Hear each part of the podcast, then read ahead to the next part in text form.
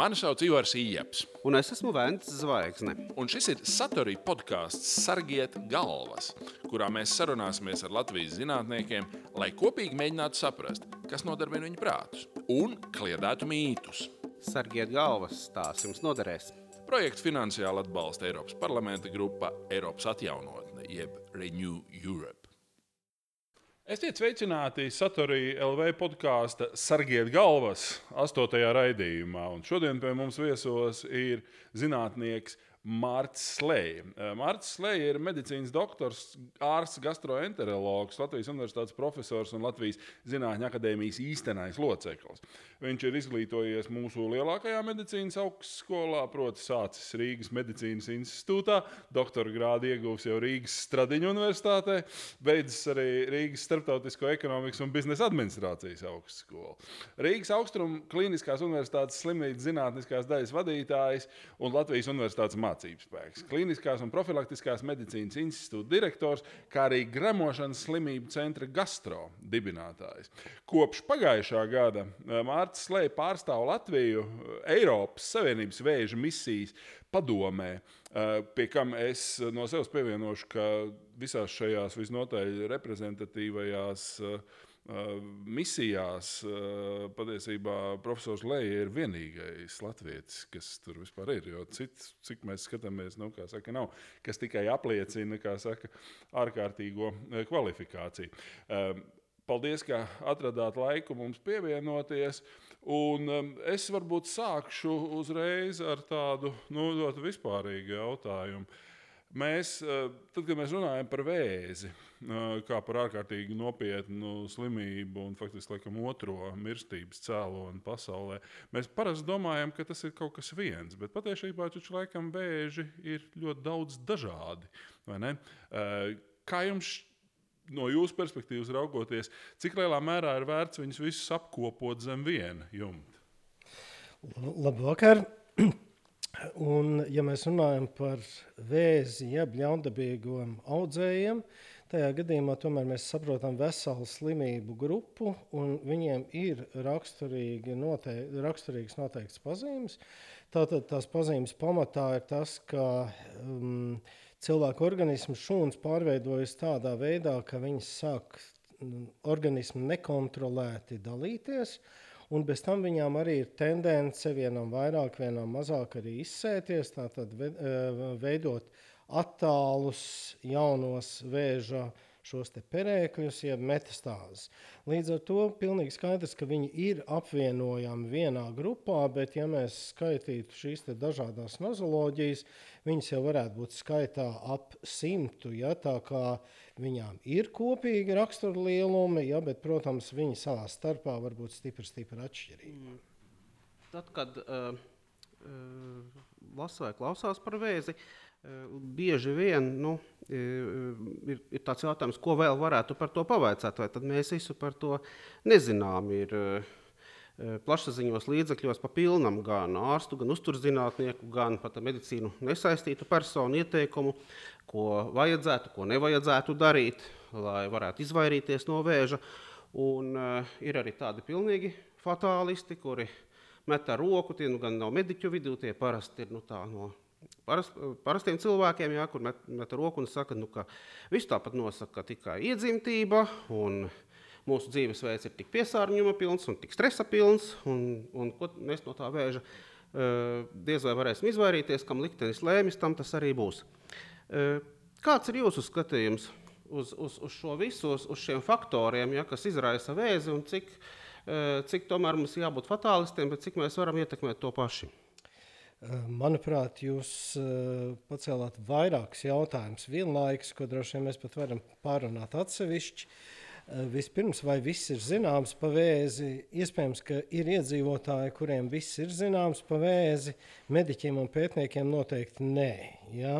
Tā tad ir diezgan daudz vēl šī potenciāla, nevis diezgan daudz, bet ļoti daudz pētniecībai. Uh, pareizai ārstēšanas, atrašanai, agrīnas diagnostikas noteikšanai. Nevelti arī Eiropā šobrīd kā viens no centrālajiem uzdevumiem tiek likts izzināt, izzināt to, kas vēl nav zināms.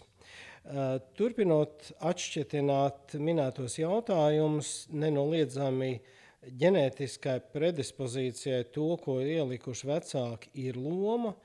Atsevišķā audzēja grupā, kas ir pārmantotie audzēji, tā, tā ir absolūti vadošā loma, un atkal speciālisti un arī paši iedzīvotāji um, uzdevums ir atklāt šo grupu, bet šī nav lielākā grupa. Tā ir noteikti mazākā grupa no tiem, kas sasirgst ar audzējiem, ir šie pārmantotie audzēji. Visi pārējie tur ir daudzi faktori, kas to ietekmē, un tiesa.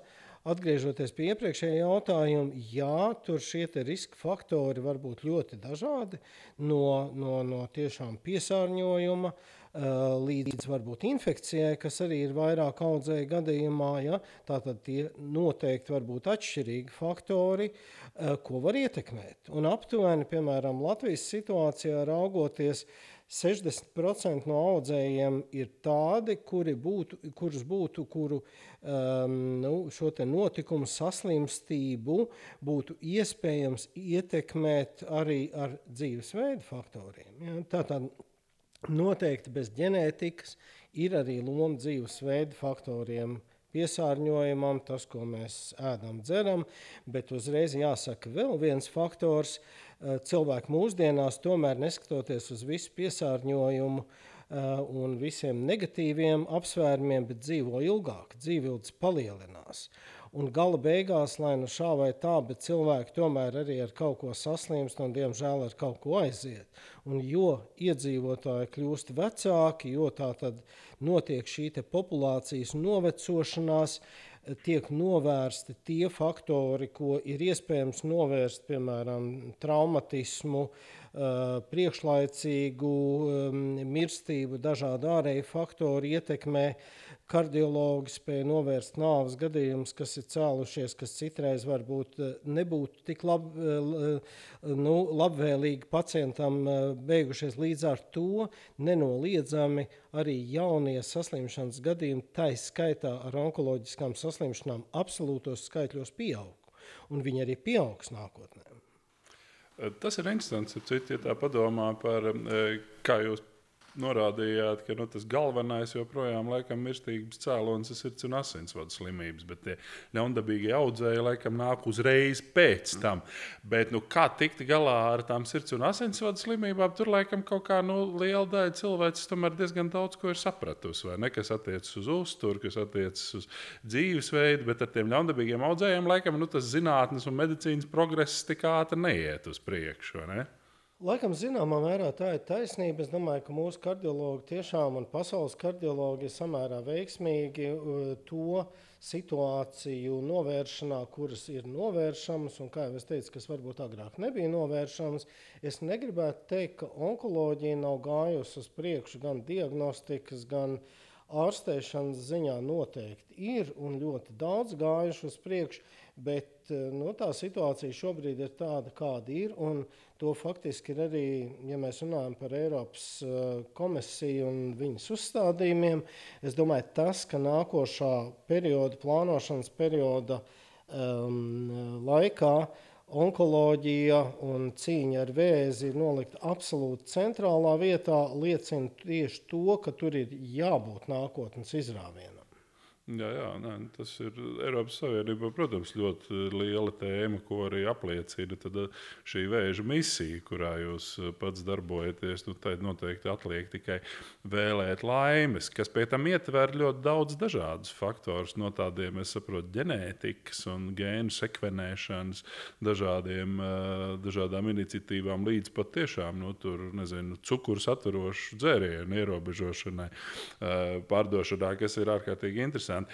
Bet eh, vai mēs raugoties uz to progresu, kas ir noticis tieši eh, šajā eh, gēnu pētniecībā, vai mēs varam cerēt, ka tur ir meklējams tāds, nu, tāds radikāls vēža ārstniecības izrāviens. Jo pēdējā laikā par to runā, ka nu, tiem īpaši tiem, kuriem ir kaut kāda nu, ģimenē bijusi kaut kāda onkoloģiska saslimšana, ka viņiem vajadzētu kaut kā testēties nu, un saprast, vai attiecīgais kaut kāds gēnu segments ir vai nav bīstams. Tad, izējot no tā, tad arī piemeklēt visādas diagnostikas un piemeklēt kaut kādu potenciālu prevenciju.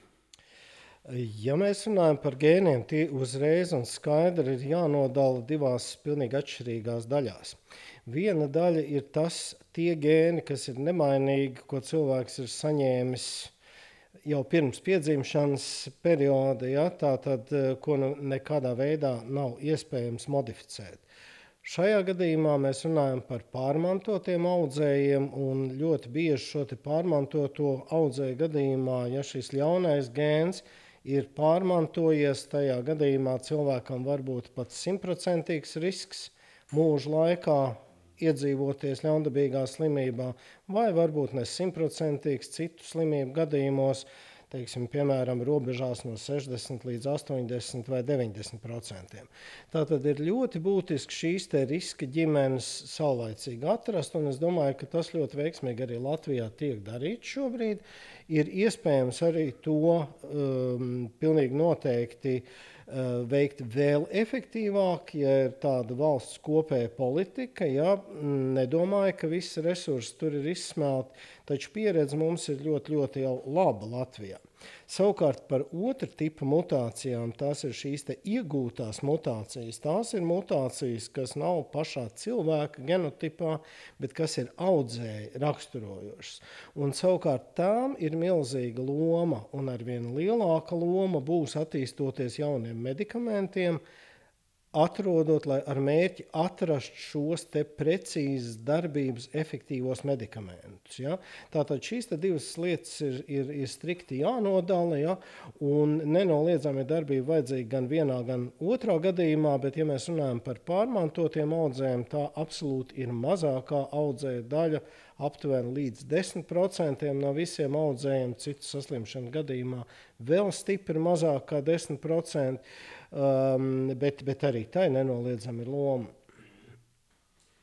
E, jūs pieminējāt jau, jaunas, jaunas diagnostikas metodes. Man uh, divi jautājumi pat būtu. Sākšu ar pirmo. E, tātad, pirmais būtu par to, uh, kas pēdējos gados, jūsuprāt, ir nu, tāds, kas ir patiešām uh, minams. Varbūt tas Latvijā vēl nav, bet tas, ka tas kas vis, vispār cilvēkiem vai cilvēcei dot cerību par to, uh, kā vēzi izdosies uh, efektīvāk diagnosticēt, nekā tas vēl notiek pašlaik. Jo mēs tāpat zinām, ka uh, nu, vēl ar vienu ir pietiekami daudz to gadījumu. Labi, daļu, daļā vaino pašus cilvēkus, kas nav pievērsuši mm, savai veselībai pietiekami daudz uzmanības, bet nu, daļā noplāta rokas un saka, ziniet, šis ir tāds audzējs, ja, kur pārbauda, pārbauda un neko neatrod, kamēr viņš faktiski jau ir jau cilvēku gandrīz nonāvējis. Kā jūs vērtējat, kas ir tādas ļoti perspektīvas diagnostikas metodes? Mm, vispirms, pēdējos gados, kas ir attīstījies, pilnīgi noteikti metodas ir ļoti strauji attīstījušies. Vairāk vai mazāk tās ir konvencionālās metodas, jau iepriekš zināmas metodas, kuras ir tehnoloģijām attīstoties gājušas ļoti lielus soļus uz priekšu gan ārstēšanā, gan agrīnā diagnostikā. Tās ir attēlu diagnostikas metodes jau vispirmām kārtām. Ja? E, tās arī mm, ir, ir, ir radioizotopās metodes, piemēram, tas pats uh, pozitronu emisijas tomogrāfijas, kas šobrīd arī ir pieejama Latvijā. Bet jārēķinās, ka katrai metodei ir sava uh, ļoti stingra, stingra noteikta vieta. Ļoti bieži pacients atnāk un saka, es gribu visjaunāko, bet tā viņam nav galīgi piemērota.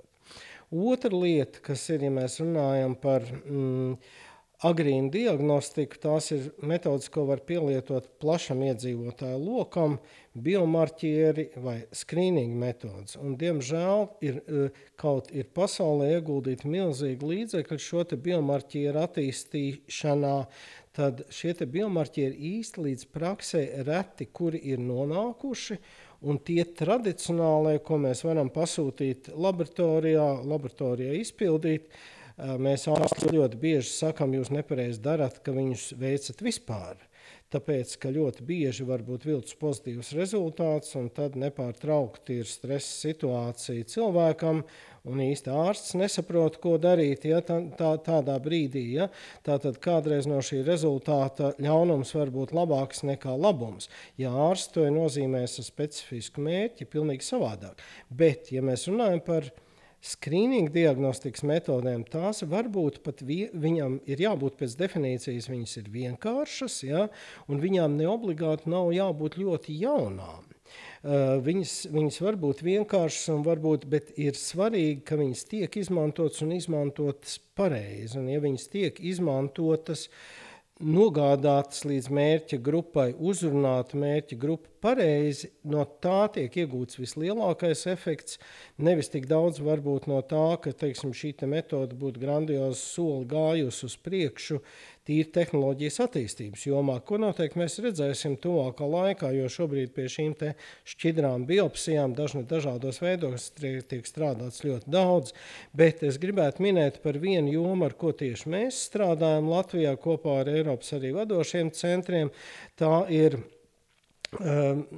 izelpas analīze, meklējot specifisko slimībai raksturīgo izelpas nospiedumu vienai vai otrai slimībai, tajā skaitā arī vēzim. Un tā varētu būt grandios pavērsiens, piemēram, dažādu audzēju, un varbūt pat ne tikai audzēju skrīningu diagnostikā, kā ļoti vienkārša uh, ērti pielietojama, pacientam draudzīga metode mm, un kas neprasa milzīgus mm, teiksim, speciālistu mm, ļoti augstu līmeņu sagatavotību, kas nav atkarīga no kompetencēm, bet, bet kas ir izmantojama kā tāda primārā diagnostika. Jā, darbs ar šādām metodēm notiek, intensīvi notiek. Mēs esam priecīgi, ka faktiski Latvijas pētnieki ir vairāk nozoloģijas uh, Mm, eh, gadījumā pie, pie šīm metožu attīstīšanas bijuši klāt tieši ar savu klīnisko iesaisti, bet nekādā ziņā mēs nevaram teikt, ka metode ir šobrīd izmantojama praktiskiem mērķiem, un es negribētu arī solīt, ka viņi tuvāko piecu gadu laikā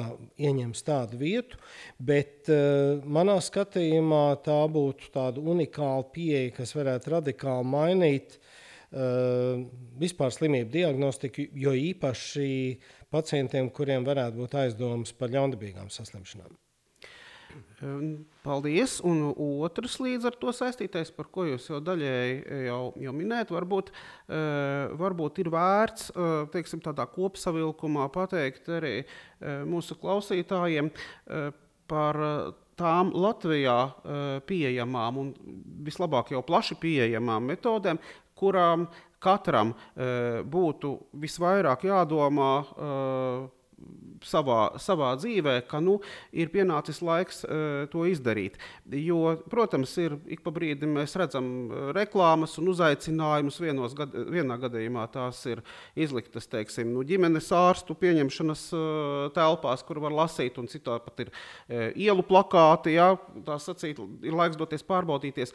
Bet uh, kas ir teiksim, tie galvenie, uh, galvenie audzēju veidi, nu, par kuriem katram mums savā dzīvē būtu jādomā? Un Latvijā šī pārbaude ir pieejama, tā ir pietiekami viegli sasniedzama, un katram būtu vērts to izdarīt.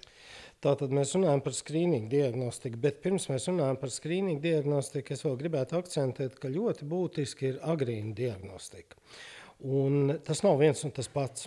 Tātad, ja mēs runājam par saulaicīgu agrīnu diagnostiku, tas jau būs pacientam, kuram ir kādi simptomi, kādas pazīmes, kas varētu liecināt par slimību.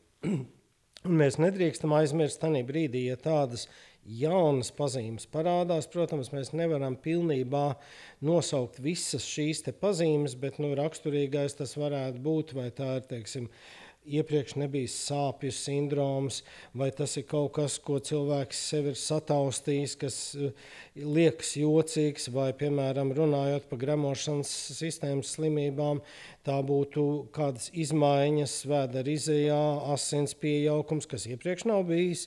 Uh, nu, arī, arī var būt kopējais vājums un, un, un, un izmaiņas jau var būt asins analīzē, par ko to liecinās, vai, vai, vai Pa, vēl vairāk teiksim, tas attiektos, piemēram, novājēšanas, arī rīšanas traucējumu. Tā, tā, tad, ja cilvēkam pusmūžā, īpaši pēc gadiem 50, kad tiešām pieaug liel, vairāk šis ļaundabīgo slimību risks, tādas problēmas parādās, tad uh, pilnīgi noteikti ir jārunā pirmkārt ar savu ģimenes ārstu, un ir svarīgi uh, veikt attiecīgās izmeklēšanas, ja vien tādas jau nav veiktas iepriekš. Piecreiz pēc kārtas vienu izmeklējumu nevajag uh, atkārtot, un ļoti bieži jā, mums ir rindas uz izmeklējumiem, bet tikpat labi mums daudz izmeklējumu tiek veikti Eh, negluži vajadzīgi, ja, eh, jo, jo varbūt iepriekšējais izmeklējums jau ir bijis ļoti kvalitatīvs.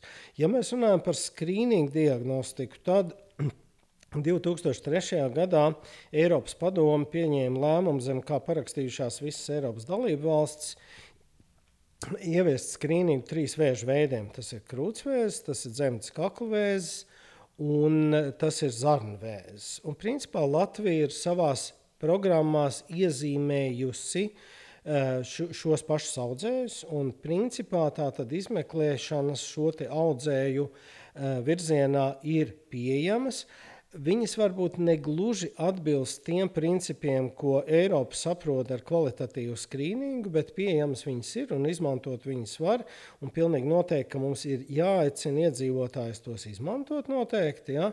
Tātad krūtsvēža skrīninga situācijā tā būs mamogrāfija, tātad radioloģisks izmeklējums, dzemdas kakla vēža situācijā tas būs uztriepas izmeklējums. Uh, kur vēl joprojām pastāv diskusijas par to, ar kādu metodi viņi Latvijā veikt. Un, eh, es saprotu, ka ir um, panākts ministrijas atbalsts, ka jau no nākošā gada mēs virzīsimies uz jau modernākām metodēm, un ir zarnu vēža skrīnings, kuru um, Eiropā pēc Eiropas rekomendācijām tiek veikts izmantojot uh, slēptu asins pieaugumu noteikšanu uh, um, fēcēm vēdera izējā, ja, pēc 50 gadu vecuma līdz 74 gadiem. Un tās ir tās metodes, kāpēc šīs tieši tiek rekomendētas. Tāpēc, ka tas ir pierādīts, ka viņas strādā, ka viņas atļauj samazināt mirstību, uh, um, dzemdas kaklavēža gadījumā arī saslimstību. Ja? Uh, tur ir šie neizmantotie resursi, iespējas novērst priekšlaicīgu mirstību, pilnīgi noteikti visu šo trīs slimību gadījumā. Un tas prasa, vai, vai, vai tas nozīmē gan iedzīvotājiem pievērst uzmanību un izmantot to iespēju, tas gan prasa arī veselības aprūpē, aprūpas sistēmai sakārtot šo sistēmu tādā veidā, lai viņi strādātu kvalitatīvi. Mhm. Ja mēs eh, atgriežamies pie tā, ko jūs sākumā jau teicāt par to, ka viens no tiem eh, vēža riska faktoriem ir laikam tas, ka no, cilvēki vienkārši dzīvo ilgāk, vai ne? Uh, Tādā ziņā, ka nu, nenoliedzami tas ietekmē.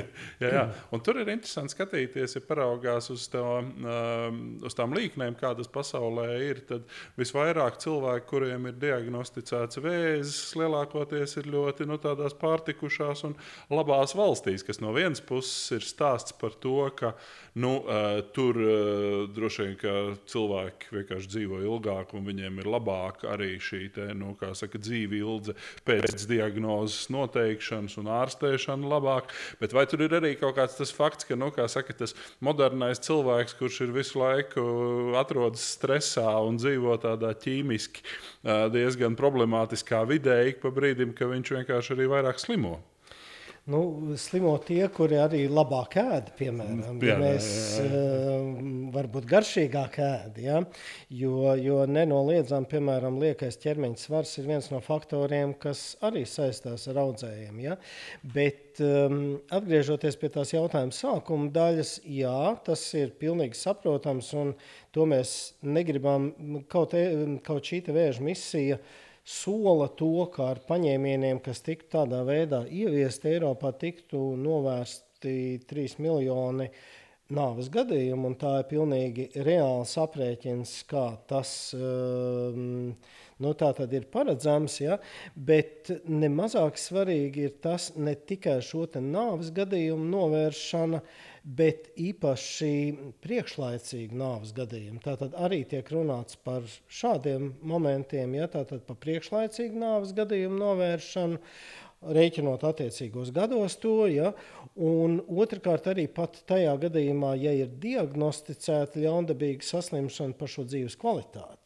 Mēs runājam par principiem un arī attieksmes maiņu. Ja? No tā, ka onkoloģiska saslimšana no sākotnēji pieminētās šīs te varbūt nolemtības ir vienkārši arī cilvēku un sabiedrības apziņā jāmaina par chronisku slimību.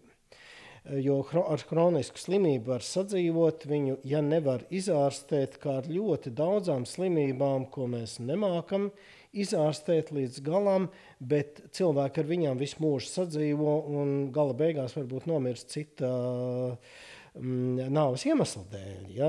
Līdzīgi vajadzētu būt, un līdzīgi viens no mērķiem ir arī šo sabiedrības viedokli mainīt par onkoloģiskām slimībām, un tā arī tas notiek. Un viens, viena no ilustrācijām šajā gadījumā varētu būt situācija ar zarnvēzi. Ja?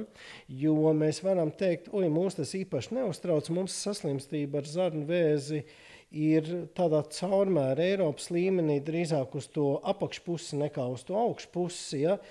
Uh, Eh, nu, mums ir daži mierinājumi. Mums, uh, Pirmkārt, tas, ka ar zarnu vēzi vairāk slimos tajās valstīs, kur būs augstāks dzīves līmenis un labāka dzīve. Ja? Tātad mums ir izaugsmas iespējas, un mēs esam izauguši. Mums kopējais skaits ir stipri vien palielinājies šajā gadījumā. Bet tajā brīdī, kad mēs savus rādītājus parādām starptautiskai sabiedrībai un starptautiskiem ekspertiem, tad es varu citēt tādu gadījumu, ka pie mums pienāk Anglijas eksperti un saka, jums taču situācija ir vienkārši traģiska. Kāpēc traģiski? Mums saslimstība ir nu, mazāk kā vidusmēra. Tāpēc, ka mums ar šo slimību nomirst stipri vairāk, divreiz vairāk nekā citās valstīs, kur viņi nosaka ātrāk. Mums nomirst aptuveni 70% no tiem, kas ir saslimuši, Zviedrijā aptuveni 40%. Ja? Kurš, starp citu, Zviedrijā vēl nestrādā skrīnings, bet saulēcīga diagnostika. Ja? Tātad mums tie rādītāji ar viņiem, protams, dažādi var operēt, bet tieši tas ir šis jautājums, ka vēzim ir jākļūst par hronisku saslimšanu. Uh, kurš, jā, varbūt ne visos gadījumos būs izdziedināms, bet nebūt, nebūs nolemts. Jā, man liekas, te e, jūs pieminētajai vēža misijai arī bija kaut kāds kvantitatīvs rādītājs attiecībā uz to, cik daudzi no uh, cilvēkiem, kuriem ir noteikti šī diagnoze, uh, nodzīvo vairāk par desmit gadiem, vai, vai kaut kā tā, vai ne? Arī par to ir rēķināts, un īpaši arī teiksim, šie gadu, gadu tātad, aprēķini ir veikti, bet tas kopējais rādītājs šobrīd ir vērsts, kas ir visiem saprotams. Šie trīs miljoni papildus izglābtas dzīvības, ja, bet tas, protams, es piekrītu, ir nedaudz vienkāršots rādītājs. Jā, nē, nu, īpaši jau laikam tādēļ, ka nu, es saprotu, ka arī cilvēki, kuri domā par to tādā ilgspējas jautājumā, arī ir beidzot atraduši ekonomiskus argumentus, pastāstot, ka tie cilvēki, kurus mēs priekšlaicīgi zaudējam dēļ ļaundabīgiem audzējiem, patiesībā būtu piena, ienākums valsts budžetā, ienākums ekonomikā. Tādā nozīmē, ka mēs nu, saka, arī, ar, arī ekonomiski zaudējam ar to, ka mēs saulaicīgi nediagnosticējam šādas slimības. Pilnīgi noteikti. Un mūsu universitātes kolēģis um, Kārlis Pūrmāls ir strādājis pie šīm aprēķiniem un parādījis, cik tiešām izmantojot skrīningu iespējas, šobrīd neizmantotās iespējas, uh, Eh, aktivizējot eh, līdzdalību šajos profilakses pasākumos, cik ekonomiski izdevīgi valstī tas varētu būt. Un tieši tādā veidā arī tas pasaulē tas tieši tādā veidā tiek rēķināts ne tikai par skrīningu procedūrām, bet arī par dažādām medicīnas manipulācijām. Tas varētu skanēt varbūt nedaudz ciniski, jo katrs, katra izglābta dzīvība, protams, ir būtiska, bet no valsts viedokļa valsts nevar atļauties maksāt par visu. Un viens no jautājumiem šajā gadījumā pat vēl būtu tāds, um, ka, ka, piemēram, ja mēs Latvijā nespējam nodrošināt tādu ārstēšanas līmeni, kādam viņam būtu jābūt vienādam, un mēs runājam ļoti par vienlīdzību Eiropas Savienībā, tad valsts var apmaksāt visiem cilvēkiem ārstēšanos tur, kur to var izdarīt. Un tad gan valstī tas būs ekonomiski izdevīgi attīstīt šo uz vietas, bet nevis sūtīt iedzīvotājus pāri robežai. Dažām valstīm, starp citu, dažas valsts tieši par to iebilda. Ja? Um, jo, jo, piemēram, Luksemburga, ja? jo viņiem ir daudz lētāk aizsūtīt savus iedzīvotājus pāri robežai nekā attīstīt visu infrastruktūru pie sevis, bet diez vai tas būs Latvijas variants. Jūs jau pieminējāt, jā, to, ka vajadzētu vairāk arī, arī ar popularizēt to, nu, cik, cik svarīgi būtu pārbaudīties. Nav noslēpums, ka vē, vēzim tik ļoti slikta slava ir ne tikai nu, pašas slimības rakstura dēļ, bet arī tādēļ, ka ir priekšstats, kā vēža ārstēšana e, ļoti bieži ir nevien ilgstoša, bet arī e, mokoša. E, cilvēks nebūtu nav, teiksim, ja viņam ir nozīmēta ķīmijterapija, ja, tad tas nozīmē dažādus citus traucējumus, un šis ilgstošais periods, kad cilvēkam tāpat ir slikti, nereti arī beidzas, diemžēl, ar zaudējumu. Cilvēks gan nodzīvo ilgāk, toties beigās tāpat aiziet bojā. Un uh, varētu būt, ka starošanai ir nedaudz uh, labāka tā slava kā ķīmijterapijai, bet arī tās patiesībā starošana, ķīmijterapija, tas lielai daļai cilvēku izraisa tādu nu, apdraudējumu sajūtu, ak, šausmas, ak, šausmas, kas tagad. Kaut arī, protams, ārsti noteikti zina pietiekami daudz gadījumu, ka tās ir palīdzējušas. Varbūt uh, jūs varat iezīmēt kaut kādus virzienus gan jau esošajās metodēs, gan arī iespējams kādās tādās perspektīvās metodēs, kas tiek attīstītas, kas ļauj e, cerēt uz e, e vēža ārstēšanu ar e, netik, netik biedējošām e, metodēm. Kas... Es gribētu sākt ar to, ka tieši otrādi ne pret nostatīt pacientu un ārstu viedokli. Ja?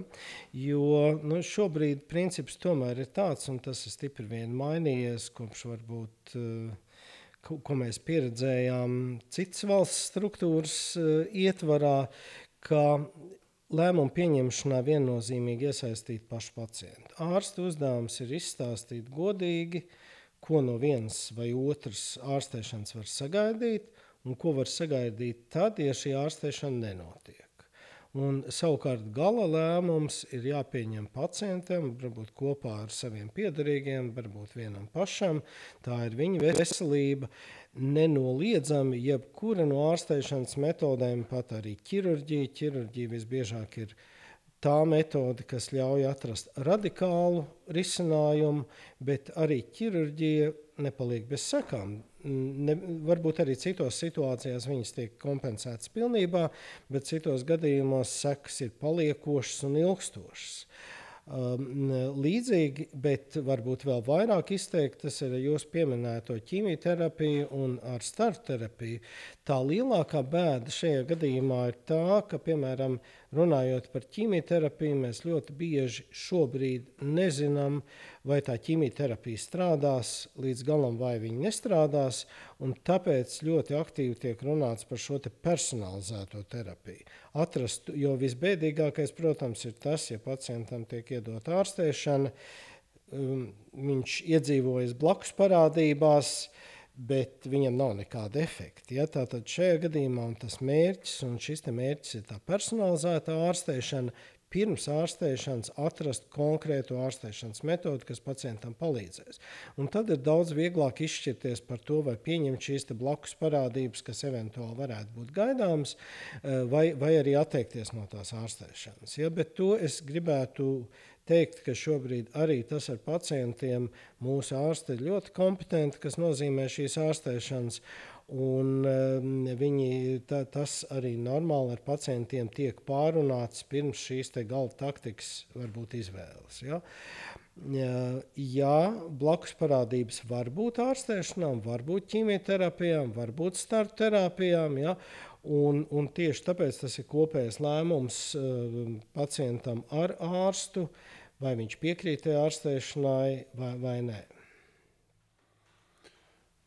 Nu, eh, es saprotu, ka viena no tādām nākotnes cerībām, iespējams, mazliet tādām utopiskām eh, tehnoloģijām, ir tas, ka mēs varētu vai kaut kad nākotnē iemācīties ārstēt vēzi ar tām nanotehnoloģijām, proti, ielaižot cilvēku organismā kaut kādu daudzumu ar kaut kādiem nanorobotiem. Tas no jūsu kā praktizējoša mediķa puses izskatās kaut kas reāls, vai tā joprojām ir tāda nu, zinātniskā fantastika pašlaik?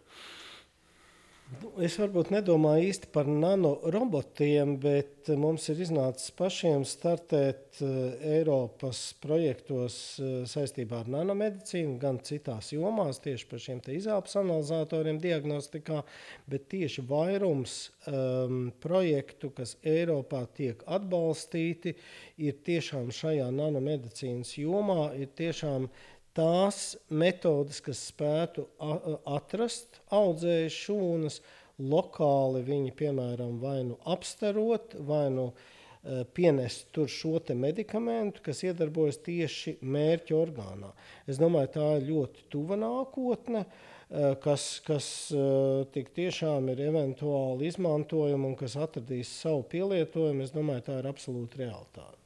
Jā, nu, to ir eh, nepārprotami patīkami dzirdēt. Bet, ja runā par uh, nu, tām nosacīti invazīvajām metodēm, ar kurām nu, tad, saka, tiek dot priekšroka uh, kaut kādām ķirurģiskām darbībām un visām pārējām, Eh, tur jau, cik es saprotu, liela daļa no cilvēkiem, kas strādā ar šiem konkrēto orgānu audzējiem, viņiem jau ir šī dubultā identitāte, ka viņš ir no vienas puses gan onkologs, gan arī, nu, piemēram, pulmonologs vai kā jūs gastroenterologs. Kā, kā šīs lietas sadzīvo? Cilvēki specializējās medicīnā tieši uz onkoloģiju konkrētā orgānā, vai tā ir tāda, nu, kā saka, eh, cilvēki, kas dara visu visu? Tā situācija ir, Latvijā nav tādas specialitātes kā onkologs.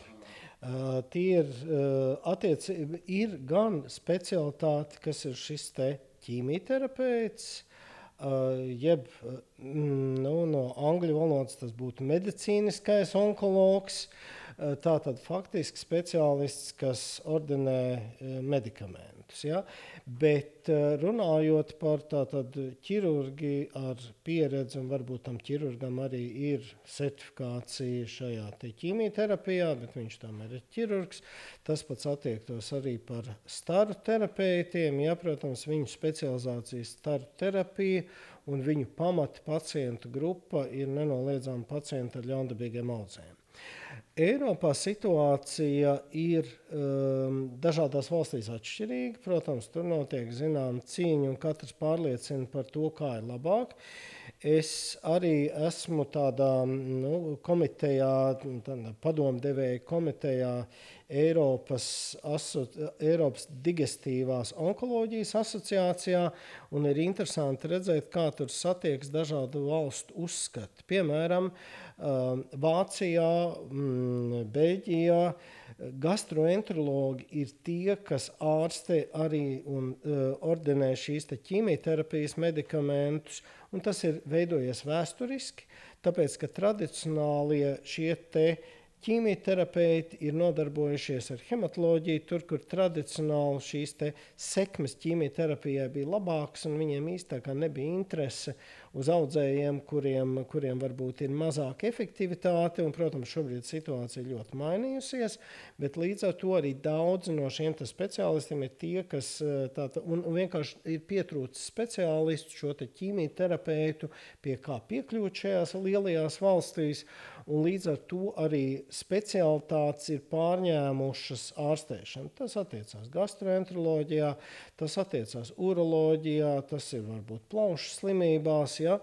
Mm, kāds Latvijā ir šis optimālais variants? Mēs esam ļoti maza valsts, un mums diez vai katrs, no gastroenterologa viedokļa, katrs gastroenterologs, ja sāktu dot uh, pretvēžu zāles, tas īsti nebūtu prāts. Ja?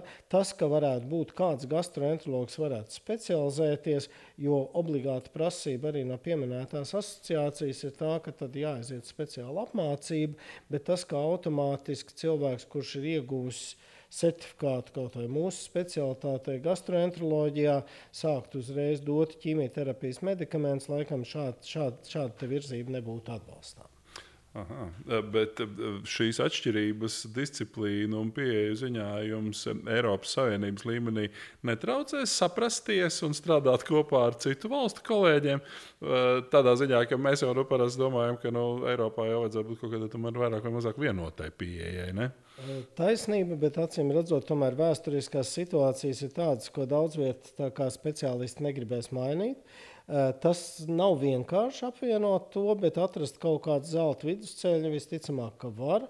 Un, un vēlreiz tātad par gastroenteroloģiju, ja, ja normāli tā būtu certifikācija gastroenteroloģijā, tad lai šim certificētam speciālistam tomēr būtu tiesības uh, arī ordinēt eh, pretvēža medikamentus, viņam tomēr būtu jāaiziet speciāla apmācība.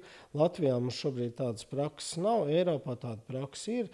Piemēram, tādā pašā rezidentūrā vēl viens gads papildus, kad viņš apmācās um, nu, šajā specifiskajā terapijā. Ja, tā tad, mm, jā, tas ir iespējams, bet, bet atšķirības tomēr ir starp valstīm. Es uh, gribēju vēl tomēr arī tagad, kad mūsu uh, saruna pamazām iet pēdējā posmā, uh, vaicāt par dažām lietām, nu, kas ir saistīts iespējams tomēr ar kaut kādu zināmu veidu konfliktu, ja ne starp ārstiem un pacientiem, tad vismaz starp uh, ārstiem un pašpasludinātiem ārstiem. Vēzis nu reiz ir viena, ja ne pat pirmajā vietā starp tām slimībām, par kurām tiešām var atrast uh, nu, milzumu, daudz dažādu padomdevēju, kuri vienmēr zina visu labāk, zina to, cik medicīna ir bezspēcīga un piedāvā visdažādākās teorijas, sākot ar sākot ar, ar, ar, ar nepareizām domām, cilvēks ir teiksim, sevi, sevi piesārņojis ar sliktām domām, un beidzot jau ar tādām, kas izklausās gandrīz vai zinātniskas, un varbūt tām kaut kāds pamats arī ir, bet nu, e, mediķi parasti teica, ka tās ir kaut kādas ļoti vienpusīgas vismaz, kas ļoti lielu uzsvaru liek piemēram uz to, ka e, kaut kāda kaut kāds produkts viens ir tas, kurš to visu izraisa, un ja no tā tagad atteiksies strikti vai vispār pilnīgi mainīs, tad būs, būs kaut kas labi. Tās, tā ir tā viena grupa. Varbūt jā, e, jūsu skatījumu par to diez vai ir, ir, ir jāklausīties e, tā, tādēļ, ka e, tas lielākā daļa droši vien būs vienkārši nu, šarlatānisms, šarlatānisms. Bet tad ir tā otra grupa, kas atrodas, varētu teikt, tādā zināmā krēsla zonā, kas ir pat nu, nu, oficiāli vairāk vai mazāk akceptētas. Piemēram, pie mums tas ir pirmais tas ir jautājums par homeopātiju, kas gan vēzi ārstēt nepiedāvā praktiski nekādu homeopātiju, bet cilvēki tomēr var vēršoties pie homeopātiem, vismaz tā tiek uzskatīts, ja nokavēt kaut kādas pazīmes. Un otrs ir mums zināmais, par ko te brīdi pa brīdim saviļņojas sabiedrība, preparāts Rigavir, kurš, es saprotu, arī ir nu, senāk radīts, bet virkne pētnieku un arī mediķu protestē, ka tas nav pārbaudīts un testēts pēc, pēc mūsdienu, mūsdienām atbilstošiem standartiem, un kā tā izmantošana nu, faktiski ir arī uz pašu slimnieku risku. Un, ka, tādi nu, radikālāk noskaņot, es saku, tas, tas būtu jāpārtrauc, būtu viss. Vis, šīs lietas būtu medicīnā jāaizliedz, jo tās ir pārāk bīstamas pacientiem. Jūsu skatījums jau uz šo uh, mazs ieskats varbūt tajā pilnīgajā tumsas zonā un varbūt lielāks tajā krēslas zonā. Es gribētu no šīs uh, sarunas daļas pilnībā atdalīt uh, jautājumu par Rigvīru. Par to varbūt atsevišķi. Ja? Bet uh, par šarlatānismu, homeopātiju, vēl citiem uzskatiem. Um, pirmkārt, nenoliedzami tā diagnoze vēzis rada milzīgu psiholoģisku mm, tātad, distresu pacientam, ģimenes locekļiem, visiem pārējiem. Jebkuram pacientam pēc būtības ar šādu diagnozi varētu ļoti palīdzēt tāpat psihoterapija. Un šobrīd arī psiholoģiskā palīdzība ir pat Rīgas Austrum Kliniskā universitātes slimnīcā radīt tādu iespēju. Es domāju, ka mēs esam ļoti tālu līdz tam, lai tā būtu pilnība. Ja? Tātad, ja šīs darbības, ieskaitot arī varbūt gan certificētus psihoterapeitus, uh, gan psihologus, un varbūt tur dažkārt netraucēt arī viens otrs no tiem, ko mēs saucam par šarlatāniem, ja tas palīdz cilvēkam sakārtot savu psihi, un viņš eh, labāk rezultātā spēja cīnīties ar vēzi, es neko sliktu tur neredzētu. Ja? Vēl jo, bet, bet ar vienu noteikumu, ar to, ka nenoliedzami netiek nokavēts tas, vai cilvēks neatsakās no tā, ko viņam ārsti piedāvā. Un tajā gadījumā, ja šāda šarlatānisma rezultātā cilvēks atsakās no uh, medicīniskas terapijas, kas ir pārliecinoši efektīva, tad tas ir gandrīz krimināli sodāms jautājums. Tādas situācijas nedrīkst pieļaut. Uh, ja cilvēks uh, iet savu laiku gan diagnosticēties, gan ārstēties, un tajā gadījumā viņš aizies pie mm, psihologa, pie šarlatāna labākā nozīmē, es te nelieku vienādības zīmi, nevajag saprast. Ja? Uh, tajā gadījumā es domāju, ka nekas slikts no tā nebūs, un tas būs tikai iegūms.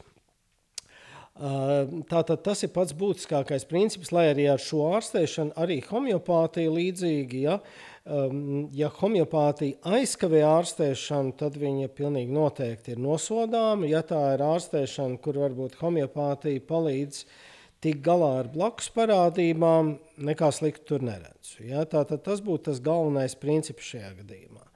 Savukārt, atgriežoties pie Rigvīra, tātad tas ir onkolīts Latvijā radīts profesors Mucinietis radīts onkolītiskais vīrus, kurš, starp citu, ja mēs pavēram tādu uh, mājaslapu kā Wikipēdija vaļā, tad uh, runājot par šiem vīrusiem, ir skaidri parādīts, ka Latvija ir pasaulē pirmā valsts, kas ir reģistrējuši šādu vīrusu terapijai. Tātad faktiski tādā etapā mēs to varētu uzskatīt par savu lepnumu. Diemžēl eh, tā nav izdarīts līdz galam tas pašu mājas darbs, un nav veikti atbilstošas kvalitātes klīniskie pētījumi. Ir laboratorijas pētījumi, kas liecina, un ir nopietni laboratorijas pētījumi, ir pētījumi ar dzīvniekiem, kas ir veikti, kas parāda, ka šis preparāts ir strādājis tajā līmenī.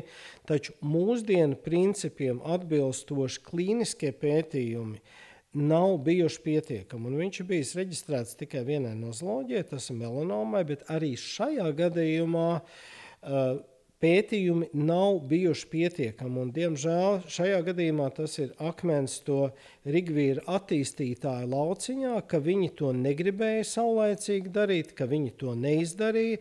Iespējams, ka šie pētījumi būtu bijuši ļoti veiksmīgi, un iespējams tas būtu absolūts Latvijas veiksmes stāsts, bet tā kā šo datu nav, tā kā viņi iztrūkst, Eh, līdz ar to ir pilnīgs pamats šiem jūsu pieminētiem skeptiskiem eh, speciālistiem iebilst un teikt, ka pacientiem tādu preparātu nevar dot, kuram nav pierādīta mūsdienu prasībām atbilstoši pierādīta klīniskā efektivitāte.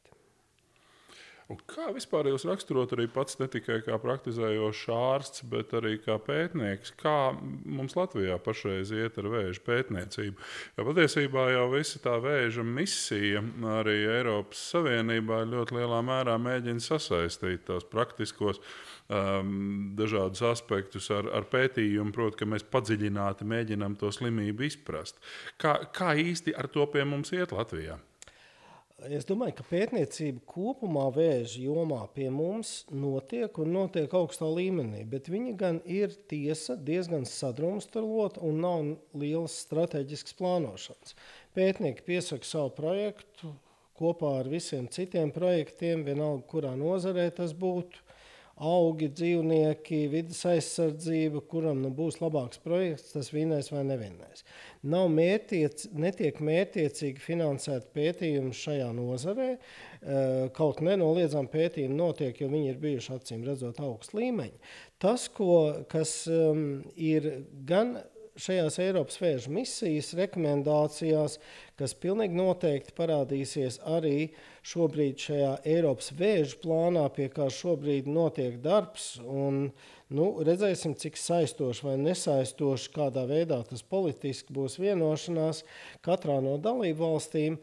Uh, vēl vairāk visas Eiropas vai lielākās vēža speciālistu un ne tikai speciālistu, arī atbalsta organizācijas ir vienojušās par to, ka katrā Eiropas valstī ir jābūt akreditētam un ir tāds atslēgas vārdiņš visaptverošam vēža centram.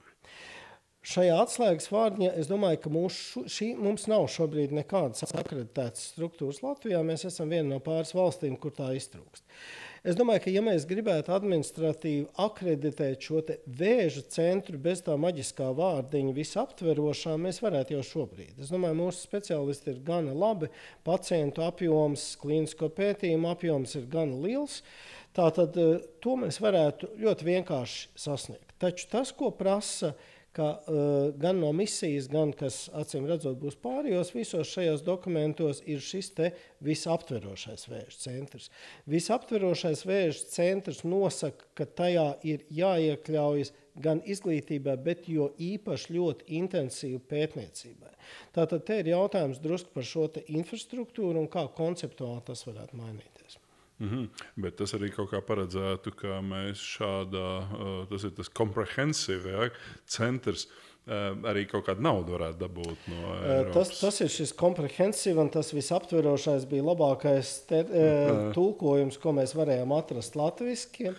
Iespējams, kāds var labāk tulkojumu. Ja? Es domāju, ka ir bet, okay. bet ja mēs izdarīsim savu darbiņu um, nacionālā līmenī, pieņemsim pareizos lēmumus nacionālā līmenī, pilnīgi noteikti, būs iespēja piesaistīt arī uh, līdzekļus sadarbībai ar Eiropas vadošiem vēža centriem, veidot šo sadarbību tādā veidā, ka mēs būtu visi ieguvēji no tā. Mm. Un, ja tā pavisam filozofiski raugās, mēs jau dažos uh, momentos pieskārāmies tam no vēža diagnozes, tādam eksistenciālajam elementam. Ne? Tā nav vienkārši diagnoze. Tas ir nu, pietiekoši plaši izplatīts un pietiekoši nopietni uztverams. Uh, un, uh, Cik es saprotu, tad, uh, ja raugās uz to iespēju katram no ar šādu diagnozi saskarties, uh, viņu tā nu, pilnībā izkalkulēt un pateikt, ka šim jā, šim nē, šobrīd, kā saka, to zināšanu pietrūks. Tādā nozīmē, ka nav nekāda, nu, kā saka, kā, nu, nav skaidra. Faktoru kopumu, kas pateiks, ka šim cilvēkam būs tāda diagnoze, un tam savukārt viņa nebūs. Uh, kā jums šķiet, mēs kaut kad to slimību izpratīsim? Tādā ziņā, ka mēs varēsim pateikt, ka nu, šis konkrētais faktoru kopums, ņemot vērā gan gēnus, gan vidas ietekmi, gan vecumu, gan vispārējo, ka tas ir tas, kas šai konkrētā gadījumā izraisa kaut ko. Vai arī tas vienmēr paliks tā, kā parasti saka, nu, ka nu, viens no tiem galvenajiem principiem ir nu, vienkārši nenoveicās. Ne? Noliksim uz šo jautājumu atbildot, noliksim malā pārmantotos audzējus, jo tur diezgan skaidri zināms, ar kādu varbūtību katram, kuram ir šis gēns, slimība var attīstīties. Es domāju, tas, ko jūs minējat, tā ir atkal personalizēta medicīna. Un mēs pilnīgi noteikti ejam tajā virzienā. Tas ir viena arī no misijas rekomendācijām tajā virzienā. Ja. Ko tas nozīmē? Tas nozīmē, ka diagnostikas um, spektrā mēs varam šobrīd jau uh, pateikt, piemēram, ja mēs veicam skrīningu izmeklējumu, bet tikai iegūstam nevis tikai rezultātu pozitīvus vai negatīvus, bet iegūstam arī skaitlisku rezultātu. Tad pēc šī skaitliskā rezultāta mēs varētu plānot, kad ir vajadzīgs nākošais tests. Vai tiešām pēc gada, bet varbūt pēc pieciem gadiem. Ja? Un mēs esam ļoti tuvu līdz šādu principu ieviešanai profilaksē. Ar mums, es domāju, šajā gadījumā pasauli un arī Eiropu. Drusku tālākā perspektīvā būtu šī individualizētā ārstēšana, kur mēs, es atvainojos, individualizētā riska noteikšana, kur mēs saliekam kopā to konkrētā cilvēka genotipu ar varbūt kādiem biomarķieriem, kas tiek izmeklēti asinīs, citos audos, uh, Varbūt vēl mēs šobrīd zinām, ka ļoti lo, liela loma arī ir mikrobu kompleksam, kas mūsos mājo. Ja? Un tā tad saliekot šos faktorus kopā, mēs varam nonākt pie kādas riska skalas, kur gala beigās mēs varētu rekomendēt. Es nedomāju, ka tas būs absolūti. Mēs nonāksim līdz um, nu, tādam uh, prognozēji, ka šis cilvēks, tad, kad viņš sasniegs 74 gadu vecumu, viņš iespēja vai ticami saslims ar vienu vai otru audzēju. Tāda kalkulātora arī mēdz dažādi būt. Bet, nu, tas būtu pāragri un tas droši vien būtu iluzori tādā veidā domāt. Bet tas, ka mēs kopēji risku skalu varam visus šos parametrus saliekot, prognozēt, es domāju, tas ir viena no, vir, ir viena no virzībām, kur arī šobrīd mēs Eiropā ejam. Man ir viens jautājums par, par, par tī, nu, tīri intereses pēc, vai jūsu praksē ir bijis uh, gadījums, kad cilvēks izārstējies no vēža, tā sakot, uh, par spīti ārstu pūlēm, vai precīzāk ārsti nevar pateikt, kāpēc tas tā ir noticis, bet tas process, kas viņā ir sācies, uh, pavēršas uz otru pusi un uh, vēzis izzūd. Nu, par šādiem gadījumiem mēs esam dzirdējuši, tādi ir aprakstīti, un mēs, protams, gribam viņiem ticēt. Manā praksē pilnīgi noteikti nē. Manā praksē gan ir citi gadījumi, kad cilvēks, piemēram, nezinot, ka viņiem ir vēzis, tiek no viņa izārstēts, piemēram, noņemot zarnā polīpu, un izrādās, ka viņā iekšā ir vēzis, un, un cilvēks ir izārstēts pat ne ārstam, ne pacientam, zinot, ka viņam ir ļaundabīga saslimšana. Aha. Nu, jā, nu, var tikai vēlēties, lai tādu gadījumu būtu vairāk. Un, nu, kopumā noslēdzot, es domāju, ka tas galvenais secinājums no jebkuras šādas sarunas ir tas, ka veselība ir un viss pētniecība un viss pārējais, kas šo veselību varētu mums vairot, protams, ir tas virziens, kurā investēt vajadzētu krietni vairāk gan Latvijā, gan arī Eiropas Savienībā. Tā kā paldies, mēs šodien runājāmies ar gastroenterologu profesoru Mārciņu Leju par vēža pētniecību un vēža ārstēšanu, tā skaitā pieminot arī uh, Eiropas Savienības pēdējā laika nu, teiksim, tā, uzrāvienu vēža virzienā un vēlam, protams, ļoti liels sekmes uh, tai vēža misijai, kuras padomē profesors Lēja joprojām darbojas. Tā kā paldies! Paldies! paldies.